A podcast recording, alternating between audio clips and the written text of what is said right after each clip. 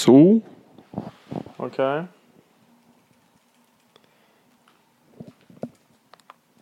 Her må vi ønske velkommen til uh, en ny type samtale hvor rasshølet ikke står i fokus. Det er første gang jeg kan love en rassfri pod podkast. Rassfri podcast. Det er litt synd at det har gått hva, 20 20 episoder, og så har det vært første rassfri podcasten. Det er, er det første? Eh, ja, kanskje. Vi hadde vel en om YouTube. Da var det muligens ikke noe rassfri. Selv ikke ayahuasca-episoden var uten rasshøl. Fordi begynner den med 'My anus is a spiritual place'. Hva var det? Hadde du et annet dikt? Nei, det er jo Chris, det var kødda. Oh, ja. ja, nei, det er mange veier til sjela. Så i dag lover vi at eh, da kan barn kanskje høre på. Det er ingen Så det er siste gang jeg sier rasshøl nå.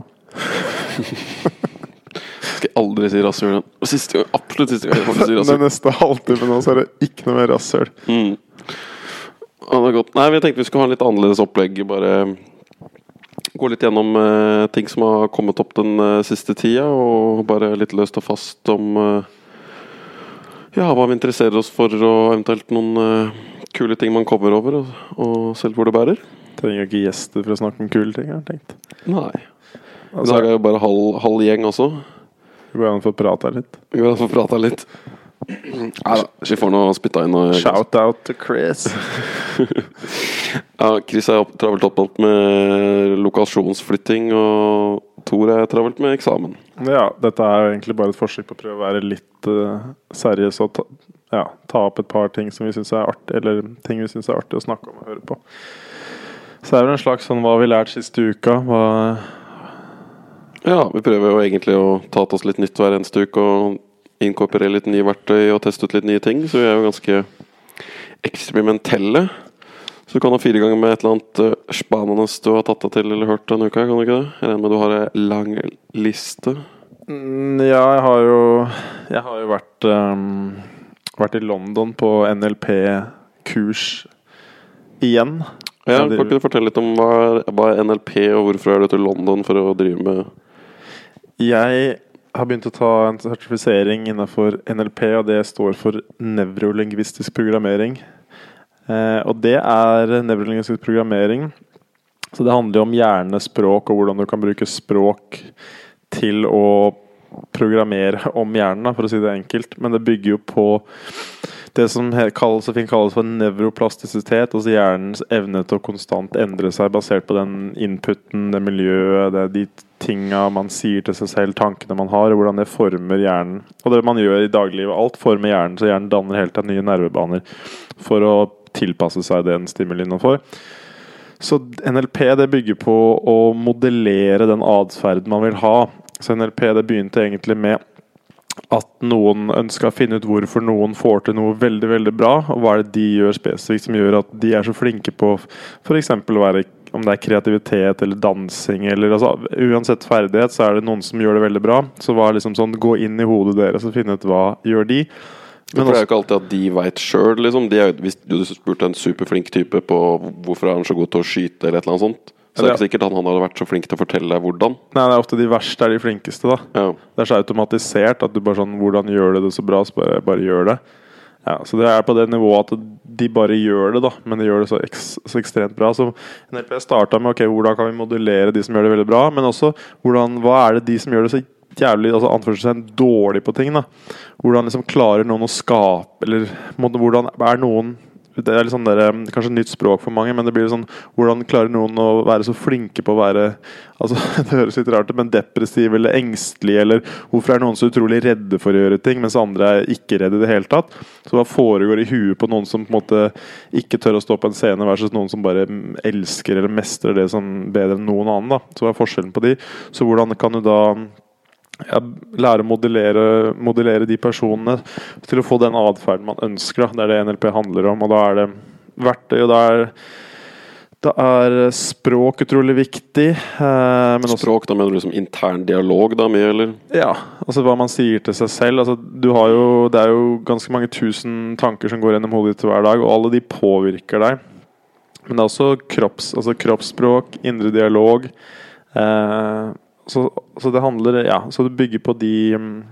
Det du hinter til, er jo ganske stort, da, egentlig, fordi vi er jo vokst opp eh, Hvis du hadde spurt liksom forrige generasjon, og hvis du bare spør hvem som helst, og så bare ja, Han Kåre han, han blir så sur når bussen ikke kommer. Ja, han bare er sånn. Ja, ja. Det er jo veldig sånn vanlige ting at folk bare er sånn.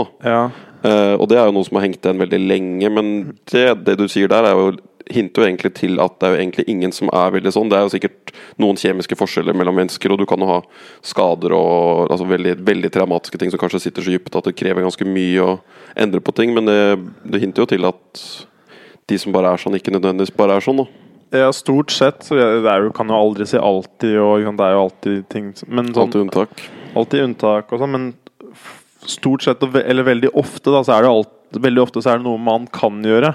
Altså sånn Om det er 10% bedring, eller om det er 100, eller 90-100% bedring, det er litt avhengig av hva du snakker om.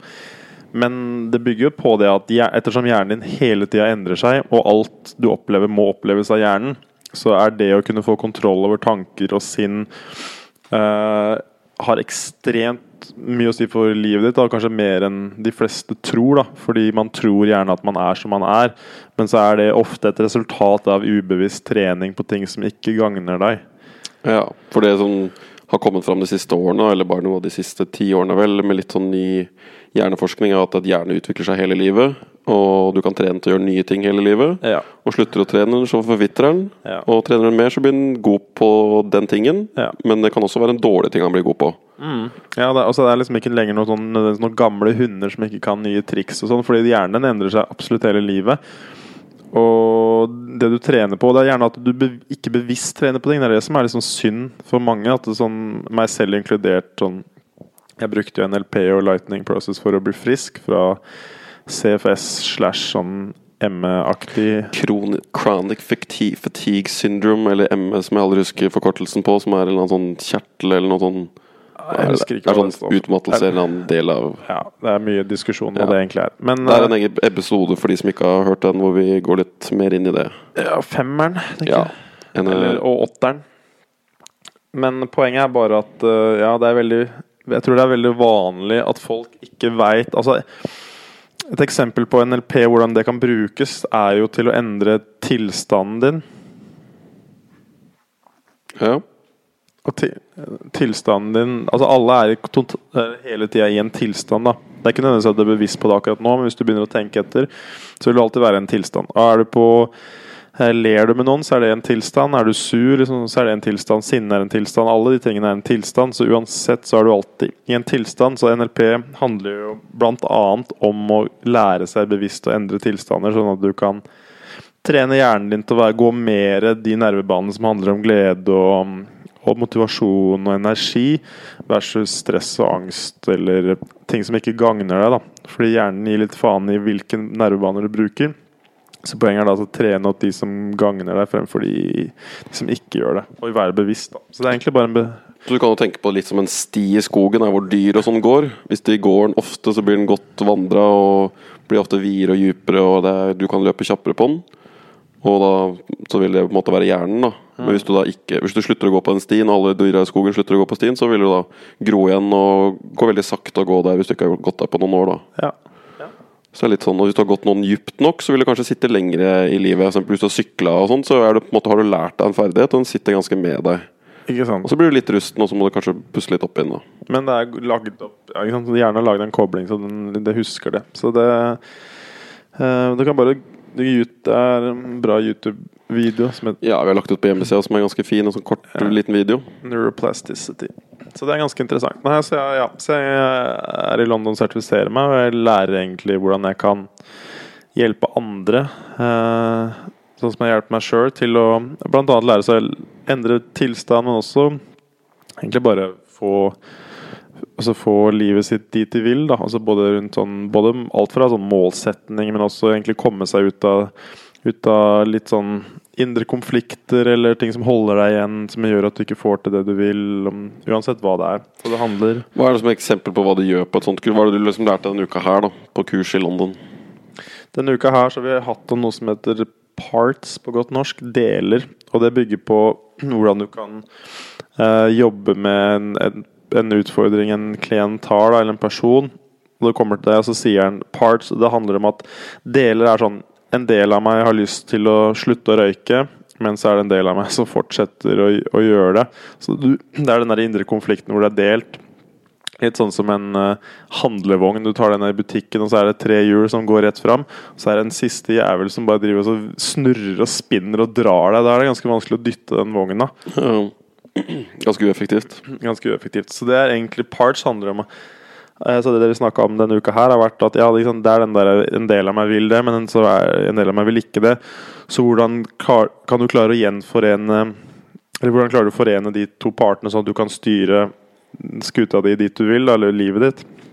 Det som var veldig kult og annerledes med den tankegangen, var egentlig at, den, at de delene ikke nødvendigvis er negative. For det er veldig lett å se på den som vil røyke, men sånn slem, fæl del som alltid eh, gjør at liksom, Den gjør fæle ting. Da, og tar alltid liksom, 'Nå jeg røyke', og det, å, faen, jeg hater den delen av meg. For Det er liksom merkelig, for du, du snakker veldig ofte om ting som skjer i kroppen som måtte ikke er en del av oss. Det er liksom sånn, Du er på en måte han som tar gode avgjørelser, og så har du en litt sånn djevel på skulderen som driver sånn nå skal, vi, nå skal vi ta oss en runk midt på dagen. Og sånn, så bare, nei faen, jeg kan ikke gjøre dette her Ja, ja. Eller liksom vi skal ut og røyke. Sånn, jeg har egentlig ikke lyst til det, men jeg har en sånn røykejævel som sitter liksom oppå skulderen. Eller en siste drink ah, jeg, kan vel ta et par shots. Ja, det er liksom, det, Vi bedriver liksom å outsource på en måte liksom litt skylda noen ganger for å gjøre det litt enklere for oss. Og det er en litt sånn, litt sånn utenfor-skapning, da.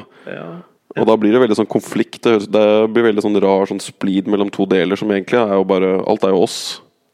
Ja, alt er jo oss. Det er jo Noen ganger så er det sånn én ting er jo ikke ta ansvar Det kan være veldig lett å tenke at andre skal fikse én. Det er jo en sånn del Det blir sånn skyldspørsmål. Noen syns kanskje det er litt sånn der, en tøff dialog Eller sånn tøff samtale, fordi det er lett å bli sånn ømfintlig at man på en måte ikke gjør At man er syk eller har et problem, så er det på en måte ikke din feil.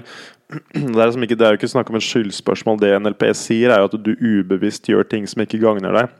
Ja, for Nå snakker du eksempel om at hvis du blir sur og en, kanskje en person kommer inn i rommet på en viss måte, eller at du blir lei deg hvis en ting skjer du er med, Det du mener da, er at det, det, er ikke, det er du som gjør det, men det er ikke din skyld, fordi det har liksom starta sannsynligvis så lenge tilbake. Da, at det er bare blitt en Det er som knerefleks når du blir banka på kneet av den der eh, filmlegen som får kneet ditt til å sprette, liksom. Ja, ja. det er litt sånn at du en gang, i, en gang i tida så gjorde du det du mente var best, og sannsynligvis det eneste rette du kunne gjøre basert på den informasjonen du hadde tilgjengelig der og da.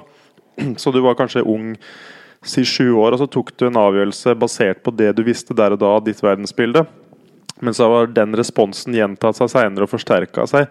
Sånn at det liksom er refleksen i en situasjon. For eksempel, det kan være at du blir sint visse, når visse ting skjer, eller at noen sier noe. Men egentlig det, så det NLP sier, er bare at der og da så var jo det det beste responsen basert på det du kunne. Men seinere så kan man måtte gå opp igjen og finne ut Ok, så kan man Med det vi snakker om parts, eller deler, da, så handler det om på en måte ikke se på den delen som negativ. Den alt, du kan på en måte si sånn Alltid når jeg på en måte kommer i en situasjon, så blir jeg forbanna. Eller sånn Alltid når jeg er på trikken og det er veldig mye folk, så blir jeg så irritert fordi at jeg hater at det er så mye mennesker.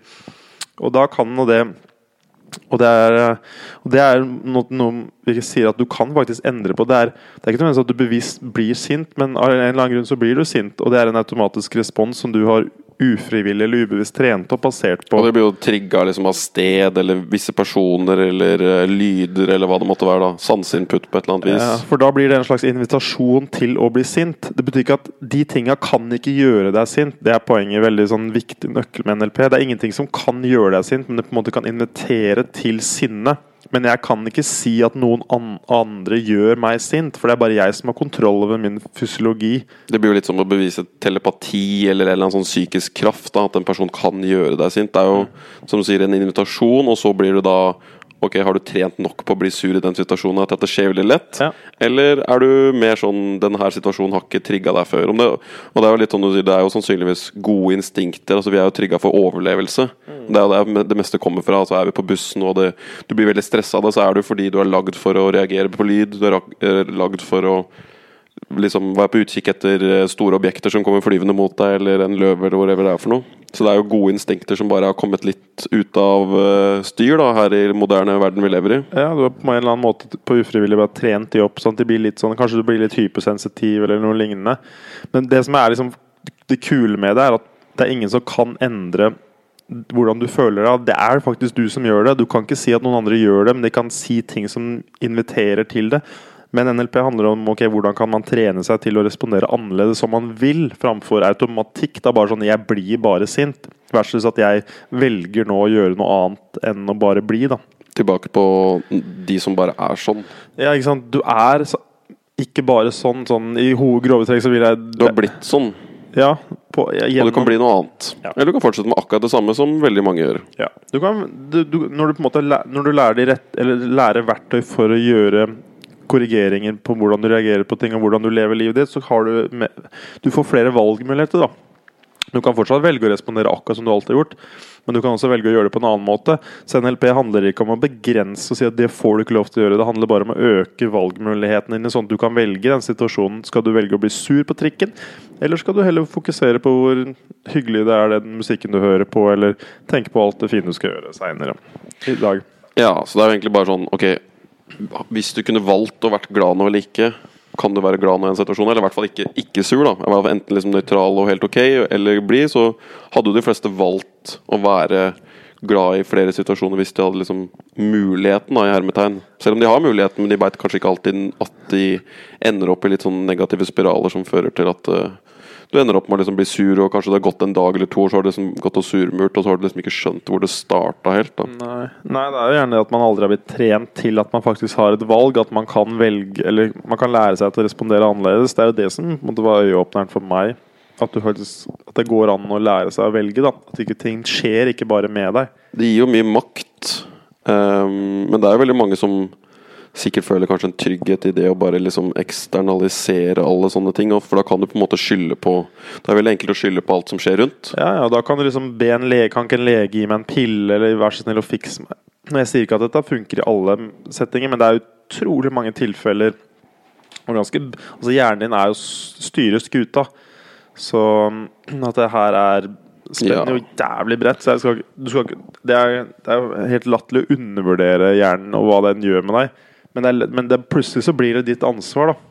Ja, altså Det er jo ikke sånn at vi sitter og, du sitter og sier liksom at uh, brekker du armen, så skal du tenke deg frisk. Nei, nei. Men det at du kanskje Men selv der så går det, finnes det bruksområder. Du kan jo liksom lære deg å fokusere mindre på smerten, f.eks. Du kan lære deg liksom bare Ja, ok, nå har jeg brukket armen, kan jeg ikke gå på ski, men jeg kan gjøre andre ting. Altså Du kan jo jo Du vil jo alltid kunne liksom vri noen ting til en mer positiv tilstand enn det er, da. Uansett. Fordi selv sånn du, Hvis du har en skade eller en sykdom, så er jo tilstanden du er i, vil endre altså Det er fysiologisk. Du kan måle fysiologiske endringer for i immunforsvaret gjennom latter og glede. Det vil styrke deg mer enn en mer depressiv sinnstilstand.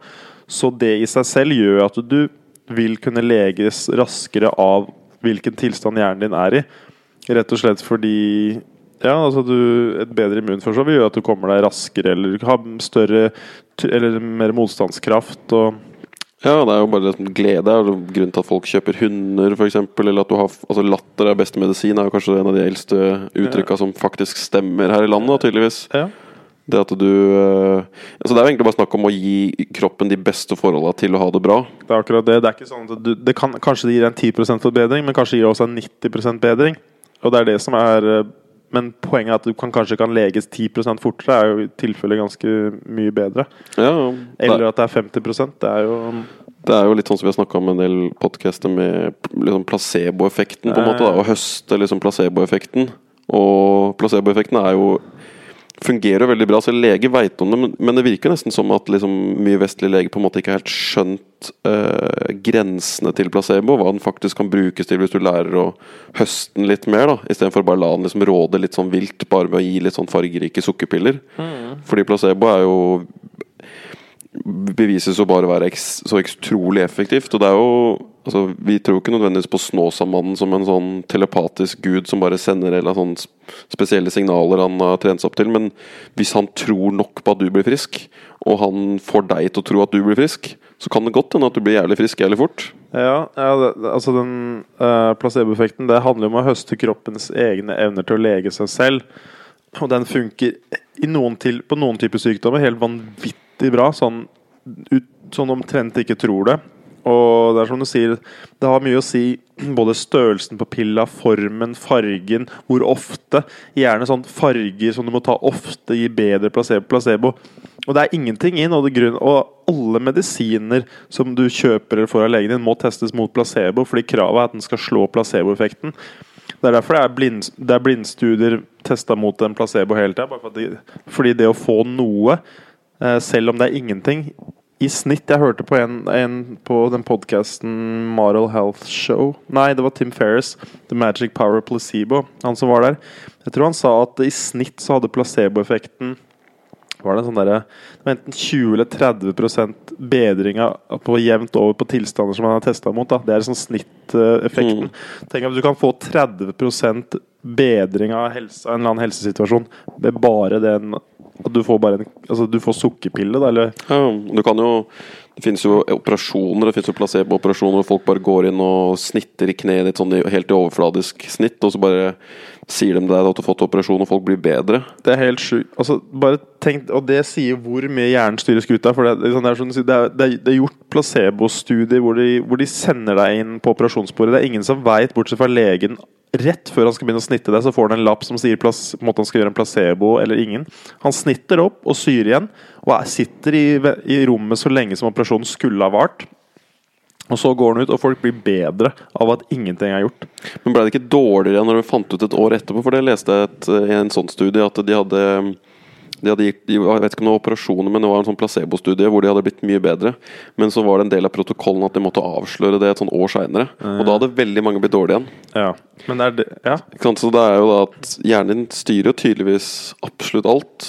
Um, og det er ganske Fordi det er jo Man tenker liksom ja, men jeg er ikke sjuk og sånne ting, men det er jo litt der kanskje jeg syns det er litt lite fokus også, da. For vi har jo snakka litt her om på podkasten litt sånn psychedelics, hvordan det kan eh, forbedre liksom kognitive funksjoner og gjøre deg lykkeligere og sånne ting. Og, og det med at folk har det bedre i hverdagen, bare være litt gladere, da, 10% gladere, så vil du jo se nye muligheter. Kanskje du er såpass glad i hverdagen at noen har lyst til å gi deg en ny jobb, eller du får muligheten til å bli med på en tur du ikke hadde gjort fordi du er så positiv, eller liksom kommer med så mye gode ideer. Altså det er Ringvirkningen av å bare prestere litt bedre, eller være litt gladere, ha litt mer energi, er jo ganske enorme på, i løpet av et liv.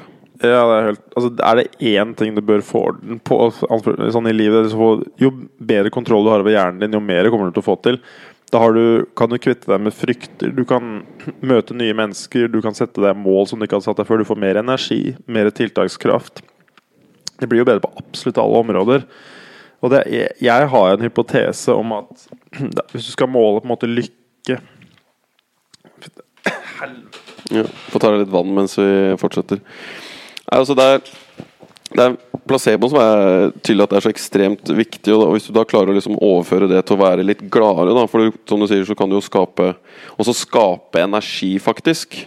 Eh, og det er litt sånn merkelig å tenke sånn, men man, vi gjør jo alle det ubevisst hele tida. Hvis du veit at du har en god venn som kommer hjem på besøk for, på, for første gang på veldig lenge, eller på fredag så skal du på en fet tur, og du er sånn sliten på jobb og du kjeder deg, og sånne ting, men så fort du veit at den hendelsen skjer, så har du masse energi. Så det er jo ikke noe sånn magisk input fra universet som har liksom bare landa inni deg. Det er jo du som har skapt det fordi du har klart å sette for deg noe morsomt som skal skje. På samme måte som en idrettsutøver ser for seg skiløypa før han kjører ned bakken eller et eller annet sånt. ting. Det er ikke, du har jo ikke fått én liter med energi per dag. Det er ikke sånn det funker. Så hvis du f.eks. hadde Hvis du var fan av si Justin Bieber da og følte deg jævlig depp, liksom ha en tung dag, og han ringte på døra og kom inn, og du var blodfan Mest sannsynlig så hadde du plutselig fått et ganske sånn innskudd av en helt vanvittig energi og glede. Og det er ikke skapt av noe annet enn deg og den tilstanden du er i. da Forteller at jeg skal visualisere Justin Bieber for å komme ut av senga. Ja, Hvis det hjelper. Det kunne jo vært hva som helst for min del. Altså, bare jeg tenker på Arnold Schwarzenegger og visualiserer Arnold og ser videoer av han, så kommer jeg i en annen tilstand enn om jeg hadde sett på en, en tjukkas som lå på sofaen. Altså Forskjellen på å se på noen som ser på reality-TV, eller bare noen som ligger på sofaen og bare spiser popkorn, versus det på Arnold som løfter vekter før jeg skal gå og trene vekter. Forskjellen på hvor mye energi jeg tar med meg inn i gymmen, er ganske stor. Og det er bare tankekraft. Ja, du, vi merker jo det på alle fronter. Er ut, hver gang jeg går ut av kino, eksempel, så kjenner jeg veldig godt det. Hvis jeg har vært på en veldig god, sånn suggerende film hvor liksom, de tar virkelig tak i psyken din og sånn. Jeg husker jeg kom ut fra Batman på Colosseum en gang. Bare, nå har jeg jævlig lyst til å bare være med på noen opptøyer og snu noen biler og bare bli helt bajas. Ja, ja. Så du kan jo Det er jo litt sånn selvhypnose, da, egentlig. Ja, det er, en, det er det folk, altså folk Du har hørt liksom kanskje ordet sånn transe og hypnose. Transe og hypnose det er bare kraftfulle tilstander hvor du har på en måte gått, du har gått veldig dypt i en tilstand hvor du blir mer mottagelig for input. Og en, kraftfull, og en kinoopplevelse som suger deg helt inn i filmen, er som å være i en transe. Som, er, som en ekstremsportutøver som kjører nedover en bakke eller et eller annet sånne ting. Mm. Det er bare ekstreme Altså det er visse kjemiske responser som skjer som gjør at du soner veldig inn. Mm, men, det er jo, men det er ikke noe annet enn det det er. Eh, så Ja, poenget var vel bare at Hvordan kom vi opp her? Nei, det var vel egentlig bare hva makten og placebo og Eh, hva hva kan hjernen kan klare å finne på. da Så poenget med NLP og eh, trening av hjernen, altså kognitiv trening, det handler jo om ok, hvordan kan du bevisst trene opp hjernen sånn at du får, får mer av det du vil ha mer av. da Den energien, den gleden og den selvtilliten og alt det der. Så bare for å runde av det med del eller part, som jeg hadde på kurset den gangen her. Det er veldig lett å se på den delen av deg som måte styrer deg av veien, den som tar denne røyken eller den snusen, og du har lyst til å slutte. Det er ikke sikkert, men det som var kult med det kurset mitt nå, som, jeg, som virkelig har funka veldig bra for meg, har, er det å se på den, den måte, anførselstegn dårlige delen som som, som, Eller å se på den på en annen måte, da. Uh, og se på det som en god, en god ting. Fordi, som vi snakka om, at en eller annen gang i livet ditt så var det den- sannsynligvis den eneste og beste responsen du kunne ha til en situasjon. For du visste ikke, siden du var ti år, så har du ikke så veldig god Da har du ikke de verktøyene og den eh, kognitive kapasiteten til Tidlig på røyken. Ja, men det kan ha vært relatert til noe annet, at du fant trygghet i et eller annet. da Det kan være Ja, det er jo- sjokolade eller um...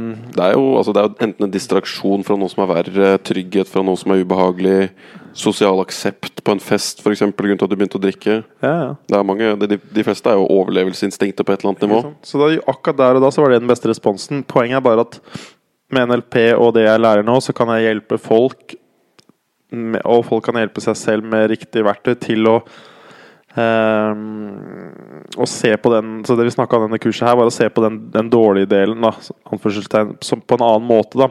og det er Egentlig så har den delen gjort nøyaktig hva du har satt den opp til å gjøre i alle år. Altså Den har vært den mest standhaftige delen. Den har liksom vært bilen som starter når det er 40 minus. Den har aldri gitt seg. Hver gang du eh, liksom sånn ser den røykbakka, så bare gir den på en måte, får, får du det suget. Eller hver gang du er på fest og eller hver gang du går på en scene og du har på en måte hatt en dårlig sceneopplevelse Si at du hadde en framføring i 7. klasse liksom bare satt virkelig spor, for det var en fæl opplevelse.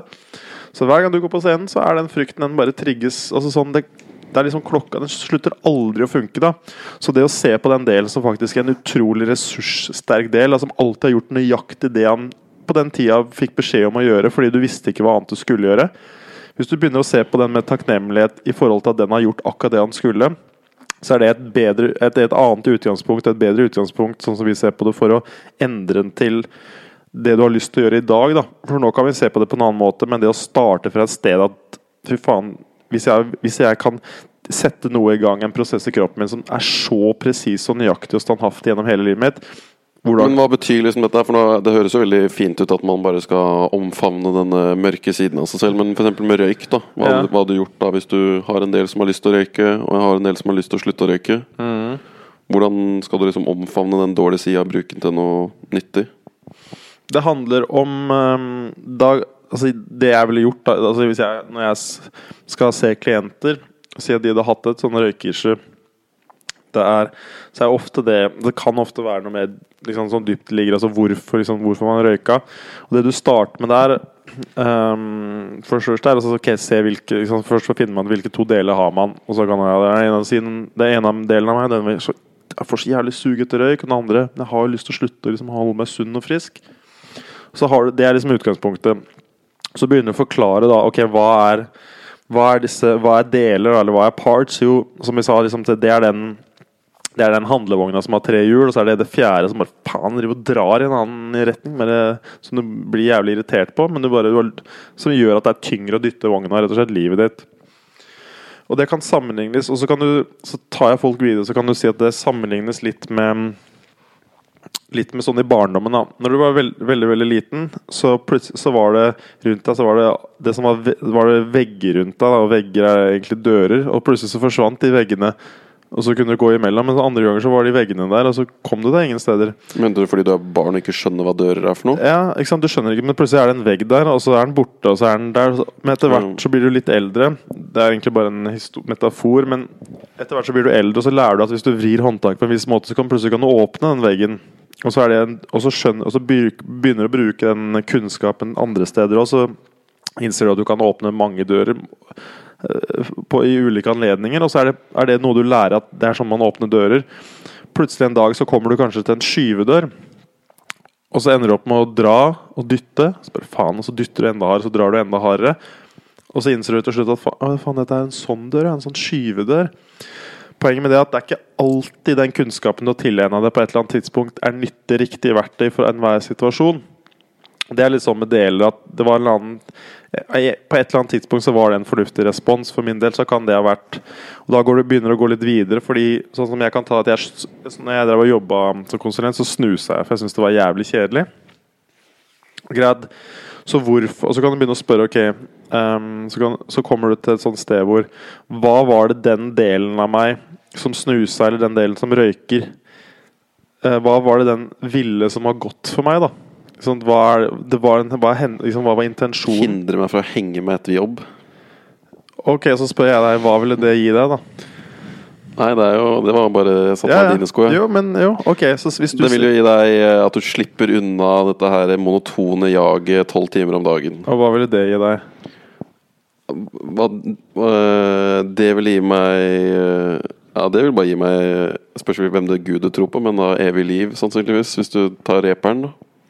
Eh, Men det å slippe unna det monotone jaget, hva ville det gi deg? Det vil jo gi deg en, en form for glede eller frihet fra en, en sinnstilstand som du er lei av å være i, da. Men ok, så da, da sånn på en, på, en positiv måte, så er det glede den, Altså intensjonen til den røyken var at du skulle få glede. Ja, det blir sånn et positivt avbrekk i hverdagen, da. Ikke sant? Så egentlig summen er at alt det greiene der leda fram til at egentlig det var bare glede og en, sånn, en godfølelse du jakta gjennom den. Og så har du den andre delen her som har lyst til å slutte. Hva er det den delen har lyst på deg? Lyst for, på for deg, da? Sannsynligvis glede og lykke i livet. Altså du har det bra, da. Ja, Føle seg fin, velvære, våkne opp fresh og Så det du begynner å innse, da, at begge delene har egentlig akkurat samme intensjon. Og det er liksom sånn Det er en annen måte å se på indre konflikt på. Fordi du, Mm. du forener de på en sånn der men du ville jo at jeg skulle ha det bra, og du ville Det var helt naturlig på det tidspunktet, så det eneste den ville, var at jeg skulle ha det bra.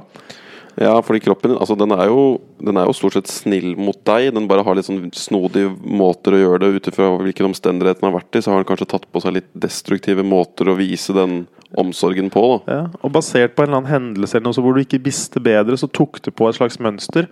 Men i sum så det, viser det seg veldig ofte at de, begge de delene av deg vil det samme. At du skal ha det bra, eller er trygg, eller Men hvordan hjelper det liksom deg som snuslutter, da? Hvordan liksom, Er det bare at du liksom visuelt ser for deg at det er en bra ting, eller? Men det er bare, dette her er bare begynnelsen av en prosess jeg ville gjort med en klient. ja. For nå begynner vi på en måte så å se at det faktisk var en god intensjon i begge. Og så er liksom, handler prosessen Det er en lang det er en, Dette vil det ta meg ca. en time å jobbe med. Okay. Roughly. Sånn time Man bruker liksom visualisering Vi tar deg på en ganske sånn dyp Da setter vi deg i en tilstand hvor hvor endring er, For å gjøre endring enklere, hvor jeg rett og slett snakker deg gjennom en Begynner å spinne sånn, spire, sånn spinnende klokke og sånn foran dem. Sånn der roterer. Det var jævlig funky, for vi starta kurset med å snakke om hypnose. Ja. For Når folk hører sånn tilstander og sånn hypnose, så tenker du sånn scene, klokke Ja, ja. Og så folk løper rundt som kyllinger og Det var han derre der tjukkasen på TV2 som hadde det derre Hva heter han Jeg kommer ikke på hva han heter. Men uh, han hadde sånn Men det, det, det som var interessant, som jeg lærte seinere òg, er jo at det er jo ikke så mange som er mottagelig for hypnose. Nei. For de må ha sannsynligvis screena jævlig mange, omtrent alle som var i studio der før de fikk lov til å komme på scenen. Ja, vi, vi snakket om på kurset. Jeg leste noen eh, artikler på hva, hvor mange som er mottagelige for hypnose. Det er ca. 10 Ja, Så for at du kan bli liksom forvandla til en eh, kaklende kylling på scenen, er ganske liten, da.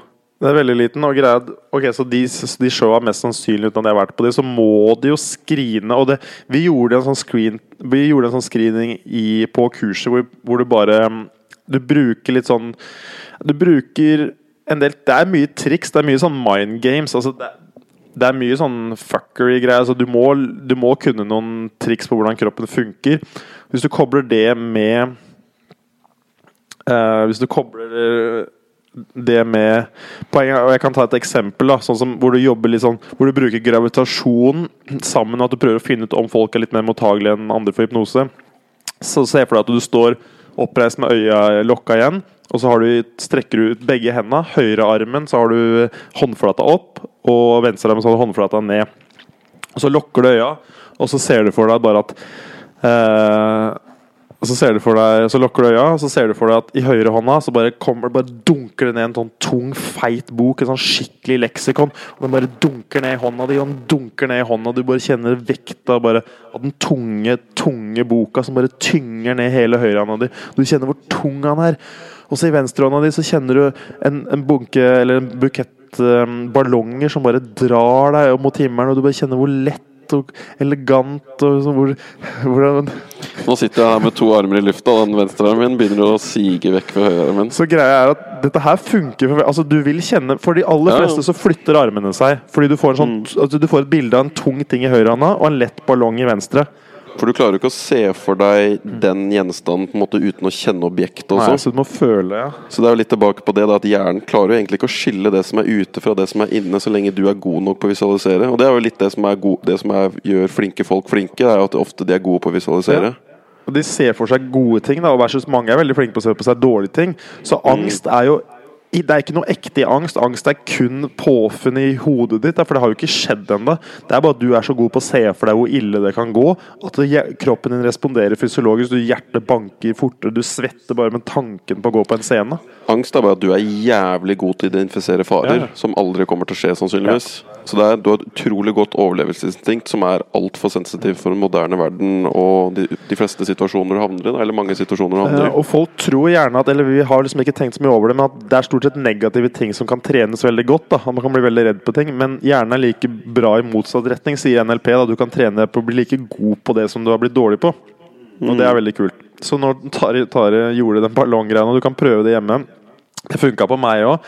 Litt av greia ok, så Det er, den, det er liksom visualisering av de, to motsetningene av en tung bok og ballonger. I tillegg så er, den, er høyrearmen eh, også sterk Den ene armen er sterkere enn den andre. Litt avhengig av hvordan du snur.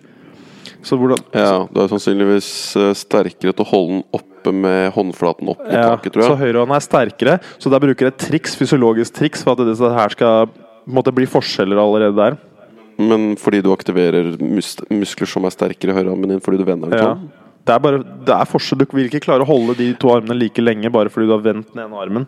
Ja, sånn, ja. Nei, det er jo litt sånn uh, Stå med sånn melkespann på farmen, enten med overarm eller underarm. Du er jo sterkere i bicepsen du er i, i tricepsen, ja, ja. Eller det blir jo mer skulder, da. Det er det, så du har liksom gravitasjon og alt det i tillegg. Så en del av de hypnotisørene de vil jo bruke sånne type triks. da liksom Bruke kroppen sånn at du rigger kroppen til, at det, til deres fordel. Og så begynner du å gjøre sånne øvelser hvor du hvor du tester hvor mottagelige er folk. Fordi sånn vi gjorde det på kurset Noen så skiller kanskje bare noen centimeter med armene, mens andre har den ene omtrent i taket og den andre i gulvet. Det blir jo litt sånn at de, de hypnotisørene og, Det er jo litt sånn som å se på David Blaine eller hvem som er, så er de jo veldig gode på å få deg til å tro at de er så å si synske, da, eller kan liksom kontrollere deg. Og ved å blande inn litt sånne triks sammen med en dyp kunnskap hvordan hjernen funker, så skaper det jo mer troverdighet, som gjør at igjen at resultatene kanskje også blir sterkere. For hvis, jeg, hvis, det hvis du hadde vært David Blaine, så kunne jo sikkert hendene mine pekt i alle mulige retninger. For, bare jeg, hadde for jeg veit at David Blaine er helt sjuk. Ja, ja.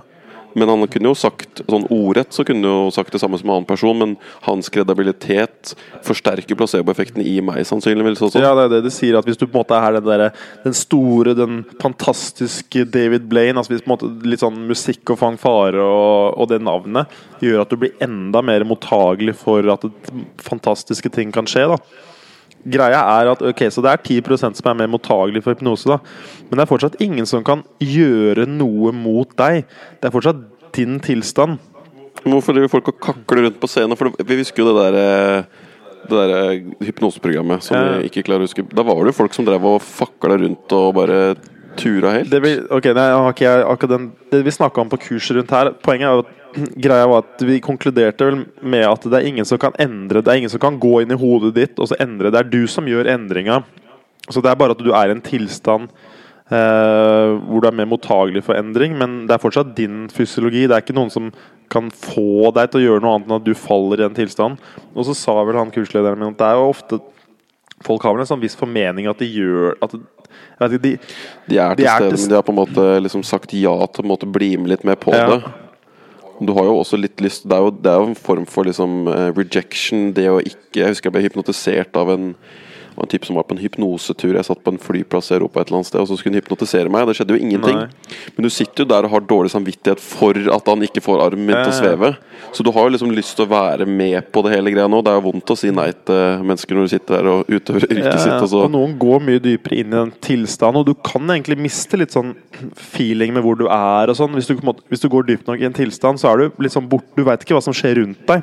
Du, sant? Det er som å være på kino. Altså, du ser bare lerretet, men alt som er rundt deg Det er som å kjøre ned en bakke på ski. da Ja. Du får ikke med deg fargen på liksom, treet borti der. Du får bare med deg hva som er rett foran deg, hva som er nødvendig å ta inn nå. Ja. Altså, det blir som å kjøre bil. Du kan jo faen meg kjøre bil i en halvtime uten å ha fått med deg en dritt. Du bare ender opp et sted. På autopilot.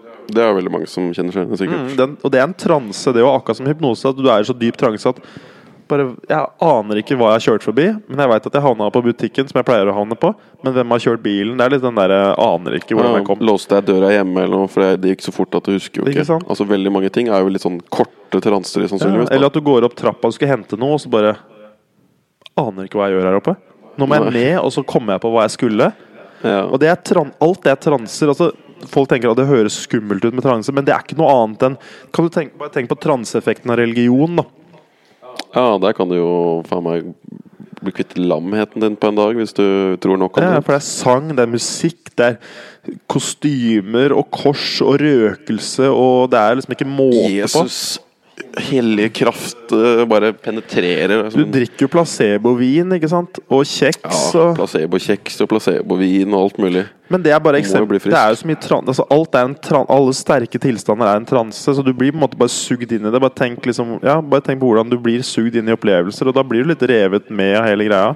Det er fortsatt du som er i Det er ingen som kan gå bort der med ei klokke og så få deg til liksom å gjøre hva faen de vil at du skal gjøre, da. Men noen Nei. er mer mottagelige for å havne i dype tilstander hvor endring er enklere å få til, da. Ja, for det er jo egentlig det. Altså, hypnose er jo det er jo, virker som det får litt mer sånn kredibilitet, og flere bruker det til sånn slutte med røyk og litt mer sånn vanlige ting. Så det virker som det virker mindre sånn sjaman, eh, snake oil salesman-type For det greier. har jo fått det, det første folk tenker på, er alt det scenetullet, ikke sant? Men, så det er derfor ofte ordet hypnose Du kan liksom godt si jeg skal sette deg i en tilstand hvor vi skal gjøre det enklere å gjøre endring. Det er det samme som om til Og hvis, så blir det sånn, hvis en fyr bare har tro på hypnose, så kan jeg si sånn Ja, men da kjører vi en hypnosesession. Det er jo det som funker. Det, ikke sant? Ja, sånn, ja. Men hvis noen sier Jeg har bare lyst til å bare um, slutte å røyke, så sier jeg ok, da skal vi jobbe med å komme i en tilstand hvor du kan enklere gjøre endring for deg selv. da Ja. Same shit. Det er bare en tilstand, da. Ja, det er, jo, det er jo Men det er jo litt det som er litt sånn kanskje skummelt for noe um, Før vi begynner å runde av den første spesialen her, så uh, Så er jo det som er litt sånn merkelig for folk. Da, for vi er vant i den vestlige verden til å ha et ganske sånn Igjen da, outsourca forhold til egen helse. Fordi vi er vant til at menn i hvite frakker skal enten skjære i oss eller gi oss en pille. Og så skal de fortelle oss at det blir greit. Men det har jo da blitt problematisk på flere måter. Nummer én fordi den herremannen eller herredamen i hvit frakk ikke har tid til å snakke med deg ordentlig lenger. Så du får jo ikke den fulle utbytten av placeboen lenger, fordi fastlegen han kjenner deg ikke, snakker ikke med deg og ja, bare sitter og ser i en skjerm. Og så er det jo også det at eh, folk pga. at vi har fått så mye piller, har jo ikke noe forhold til egen helse eller hjerne lenger, og har helst lyst til å kanskje bare bli operert, da, eller få en pille som fikser dette her. Og da blir det kanskje litt skummelt å si liksom Nei, alt som skjer Eller mye av det som skjer med deg, er jo egentlig i din kontroll. Mens de fleste har jo ikke noe verktøy for å ta den kontrollen. De blir bare Hvis du har hørt på den her, da, så har du blitt fortalt at du har masse kontroll. Men du har jo ikke snøring hvor disse reimene til hesten er. Du bare ser en eller annen hest som bare sprinter av gårde foran deg. Ja, det er, det er helt riktig. Du har, vi har jo blitt egentlig lært opp til at helse er ikke dine hender. Det er noe, du går et sted for å bli behandla eller bli frisk. Men det er så vanvittig mye du kan gjøre sjøl. Det, meste- det beste og det meste gjør du sjøl, det er min mening. da Ja, i hvert fall det preventive og sånn er jo det som det er null fokus på i Vesten. Alt er jo akutt. Ja. vi skal bli jævlig gode på å skjære i den der svulsten i siste liten, eller akutten. Og det er jo kjempebra, det. De har blitt veldig dyktige på Jeg er det. dritgod på akuttmedisin og redde liv og Men preventivt er du helt begredelig. Så det er, men det er poenget er at du kan kombinere også Det er jo like forenlig altså Det å jobbe med hjernen og hvordan det påvirker deg, er jo forenlig med cellegift eller hva enn det skulle være av Ja. behandling. Sant? Det går jo Tenker du positivt, så funker jo sikkert cellegifta bedre. ja, altså, Og med det minste så har du i hvert fall en bedre opplevelse underveis, hvis du klarer å tenke positivt. ja, altså, ja, ikke sant? Du har hvis du har det bedre, så har du det bedre. Om du levde lenger eller ikke. Du nøyt i hvert fall de åra eller de månedene du hadde. Og det er liksom worst case, og best case er at det faktisk det at du jobba med hvordan med hjernen din, og du fikk kanskje bedre immunforsvar, gjorde at du var mer styrka for å gå gjennom hele den cellegiftkuren. da.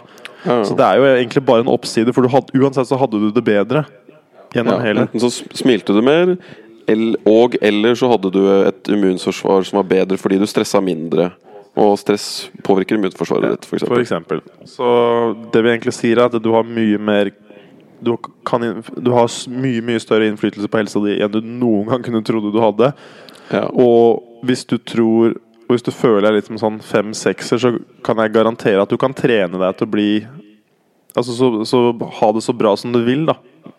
ja. Så det er egentlig altså det er jo litt sånn Det finnes jo mange folk som studerer mye av dette her, men det er jo tydeligvis trekk blant de som presterer best i verden, og de som har det best i verden. Noen av dem gjør det veldig bevisst, mens andre gjør det mer sånn ubevisst. Sånn, jeg har en god venn av meg som er ekstremt god på å dra seg opp av sånne funks eller sånn, og er litt sånn kjeder meg litt. Nå skal jeg bare jazze meg opp. Og så er han dritgod på å jazze seg opp, og så blir han bare drithappy. Og det har vært skapt helt sjøl. Og så kjenner jeg mm, sannsynligvis ganske mye flere som er veldig gode på å holde seg nede. Og, og, og vi alle kjenner jo sånne personer. Jeg kjenner meg veldig igjen i begge roller. Liksom, Jeg har jo mye. klart å stresse meg sjøl til å ligge halvannet år i et mørkt rom. Så jeg veit Ja. alt om hva, hva stress og ubevisste Ubevisst trening av eller feil mønstre, og hva hjernen Hvor syk man kan bli da av å gå ned feil vei og ubevisst bare ja, trene opp feil nervebaner. Det er jo kobla, selvsagt. Du skal ikke, det er ikke sånn at du skal trene Altså, Er du i Auschwitz, så ja, så kan du finne mer mening med det, men kan du endre omstendighetene, så jo, gjør man jo det òg, da. Det er ikke sånn at du skal Ja. lide det. Det er ikke sånn at du blir banka av, samboeren din, og så, tar, et så tar du liksom et smil. Det er ikke poenget, men det kan jo forbedre hvordan du har det akkurat nå, men du vil jo helst endre omstendighetene og endre ja. sinnstilstand, eller bruke Eller, eller finne gjennom å endre Hvis du må trene hjernen, så kan du kanskje trene deg til mot, da. Eller finne motet som gjør at du kommer deg ut av den fæle situasjonen. Du sitter kanskje i en jobb du ikke har lyst på, men du tør ikke helt å slippe, gi slipp på det. Så må du kanskje trene deg til mot eller viljestyrke eller hva det måtte være, for å kunne gjøre omstendighetene så bra at du faktisk da klarer å være mer lykkelig i Så det handler om å gjøre det beste akkurat her og nå. I tillegg til å ta da grep som endrer omstendighetene dine. Altså det, er liksom, det er det indre, og så endrer du omstendighetene rundt deg. Og sammen så er jo det, er jo det som gir et lykkelig liv da, og god helse. Det er jo å ha det bra med deg sjøl, og så ha, gjøre tinga du digger å gjøre. Jeg kan jo skrive under på at dette her genet funker, for jeg ser jo det i levende livet de siste åtti Nei snart et år. Snart et, faen meg et år. Nå er det snart et årsjubileum siden du ble frisk. Siden jeg var rulles... Og Bjørne er så jævlig positiv og gjør så jævlig mye og har så mye Alltid et eller annet nytt, men eh, det er veldig tydelig at det funker. Fordi jeg, Um, jeg kom jo fra et mørkt rom, rullestol, u, helt uten Ja. evne til å ta vare på meg sjøl, tar Tarjei som assistent. Så det, nei, det er veldig tydelig at det funker, men det er jo litt den Og Tarjei er på vei, da. Nå har vi begynt å Ja, det kan vi jo snakke om i neste runde. Jeg har også begynt på den samme reisen her håp om mer kreativitet og smil i speilet om morgenen. det- Men eh, altså, jeg, jeg merker jo selv at det er jo veldig nyttig. Men sånn eh, helt til slutt det, det blir jo mye sånn råd og generelle fakta. Hva er liksom noe konkret, sånn én ting du kan gjøre om dagen da, for å liksom begynne på den reisen her? Takknemlig. Er det noe morgenritual? Er jo mange som snakker mye om. Jeg er utrolig fan av morgen- og kveldsritualer. Ja. Så det jeg vil at du skal ta med deg hjem i dag, det er eh, takknemlighet, tror jeg er dagens. Og det er veldig, veldig enkelt. Eh, For takknemlighet har de bevist at hvis du faktisk liksom praktiserer takknemlighet ordentlig, det er jo litt sånn religiøst, og det funker jo kjempebra, så forandrer det det har vært fysiologisk mye brukt i religion, men Ja. takknemlighet funker som bare det. Greia er at du Hvis du ikke kan være lykkelig nå og takknemlig for det dere har, så hvordan skal du da klare å være det når seinere i livet? Det er litt sånn der, du, Du kan ikke kjøpe lykke på en måte da. Hvis du ikke er lykkelig med en halv million, hvor lykkelig blir du med 600 000 eller 800 000 Nei. eller en million? ikke Da? Du kan alltid være takknemlig, og er du takknemlig, så ha, vil du ha det bedre enn å gå rundt og si 'faen, det er så jævla Og i et land som Norge så er jo kanskje takknemlighet noe av det meste vi burde praktisere. Fordi vi har jo mer materielle ressurser enn 99,99 av hele verden. Men fortsatt så er vi jo deprimert og lei oss og, og føler at vi trenger mer og må kjøpe nye ting og sånne ting. Men ja, så grei, det, hvis, da, okay, så hvis du da Så tipset mitt, da, og det her kan du google til helvete og tilbake igjen og finne x antall eksempler av folk som presterer på et veldig høyt nivå, har det veldig bra. Sånn type sånn Dalai Lama eller Tony Robins eller noe lignende sånne mennesker. Takknemlighet går igjen hele tida. Greia er at Poenget er det at når du, det du fokuserer på, det er det hjernen din registrerer som viktig. Så det er mange sånne øvelser vi kunne gjort. da Men poenget er at hvis du ser etter en farge, hvis du ser etter rødt i et rom, og så lukker øya og så prøver å huske hva som var rødt, så vil, du, så vil du se dem hvis noen spør deg hva var det som var brunt. Så vil ikke hjernen din ha fått med seg det, for du klarer liksom bare å ha et filter på av gangen. Så du tenker at uh, Så det okay. må komme noe konkret. Da, med sånn, det du sier da, at hvis du fokuserer på det positive, så vil hjernen se mer positivitet i verden. Og hvis du trener deg til å fokusere på det, det dårlige som har skjedd i dag, Så- vil hjernen din se mer etter dårlig i morgen, og huske det dårlige bedre Ja, for det du fokuserer på, det, det får du også mer av, for det er det du ser. It's the secret. ja, Det er litt sånn men det, Ja, men det er litt the Det er litt sånn, men det betyr ikke at ting endrer seg over natta. At bare sånn at du blir rik over natta Men poenget er at over tid at se for deg at du hele tiden legger merke til det positive, som gjør at du blir lykkeligere, gladere. Du blir mer utadvendt. Tiltrekker nye mennesker, nye muligheter, du får lov til å være med på en tur, plutselig så møter du en ny kjæreste. Altså, det jo jo, all- det å være positiv Det kommer til å føre deg bedre steder over tid. Så poenget var bare at når det du ser etter, det vil det er, Så det du registrerer som viktig å fokusere på, det synes, sier hjernen også dette var viktig for meg. Så min øvelse og det jeg anbefaler folk å gjøre, er å hver kveld skrive ned tre ting du var takknemlig for.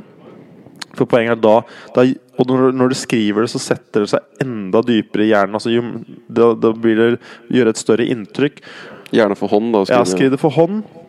Og da vil hjernen registrere at dette her, okay, dette her var viktig, fordi du faktisk sitter og skriver ned. Og så ta tre ting du er takknemlig for, og så gjør du én ting til, og den skriver du i, i, ut i mer sånn dybde, da, hva det handla om. Så hvis det var at du var ute og dansa med vennene dine, og du hadde en fantastisk kveld, så skriver du liksom sånn i detalj liksom hvor gøy det var, hva dere hørte på, hvem var der. Så skriver du sånn tre ting sånn I dag uh, fikk jeg møtt mamma igjen, det var kjempehyggelig. Uh, jeg var ute, og sola skinte, det var kjempefint. Det kan være Ja, veldig sånn trivielle ting òg. Og jeg spiste en dritgod burger, eksempel. Ja. Og så, Og så kanskje du skriver ned én ting som var sånn Jeg møtte en gammel venn på bussen, og vi satt og fortalte, og så skriver du kanskje litt mer i dybde om en av de opplevelsene, da. Og det gjør at hjernen tenker sånn Oi, dette var viktig, da skal jeg begynne å se etter sånne ting. For det er tydeligvis det vi skal se etter nå. Det kommer til å endre hvordan Det kommer til å endre hva du fokuserer på. Så den lille tingen som kanskje irriterte deg før, er ikke så viktig, for du begynner å se etter hva er det, som, hva er det kule jeg skal skrive i dag. Og så blir det en positiv spiral som du tar med deg. Så hvis du avslutter hver dag på den måten, så er det det du sitter igjen med den dagen. da Du husker jo ikke de, de småtingene, men du husker de tre tinga som bare Å, Fy faen, det her var en fet dag. Ja. Så praktisere takknemlighet som en god kristen mann som vi er. Ja, vi er utmeldt av statskirka. Utmeldt av statskirka, men vi tar med oss bønn og, og tro, for det er tydeligvis viktig. Så takknemlighet er viktig. Det var vel Ja. Nei, men Da får alle praktisere litt takknemlighet i mørket, og så blir det en ny solfylt dag i morgen i et par timer. Ja. Right. Takk for nå. Takk for nå. Peace and love.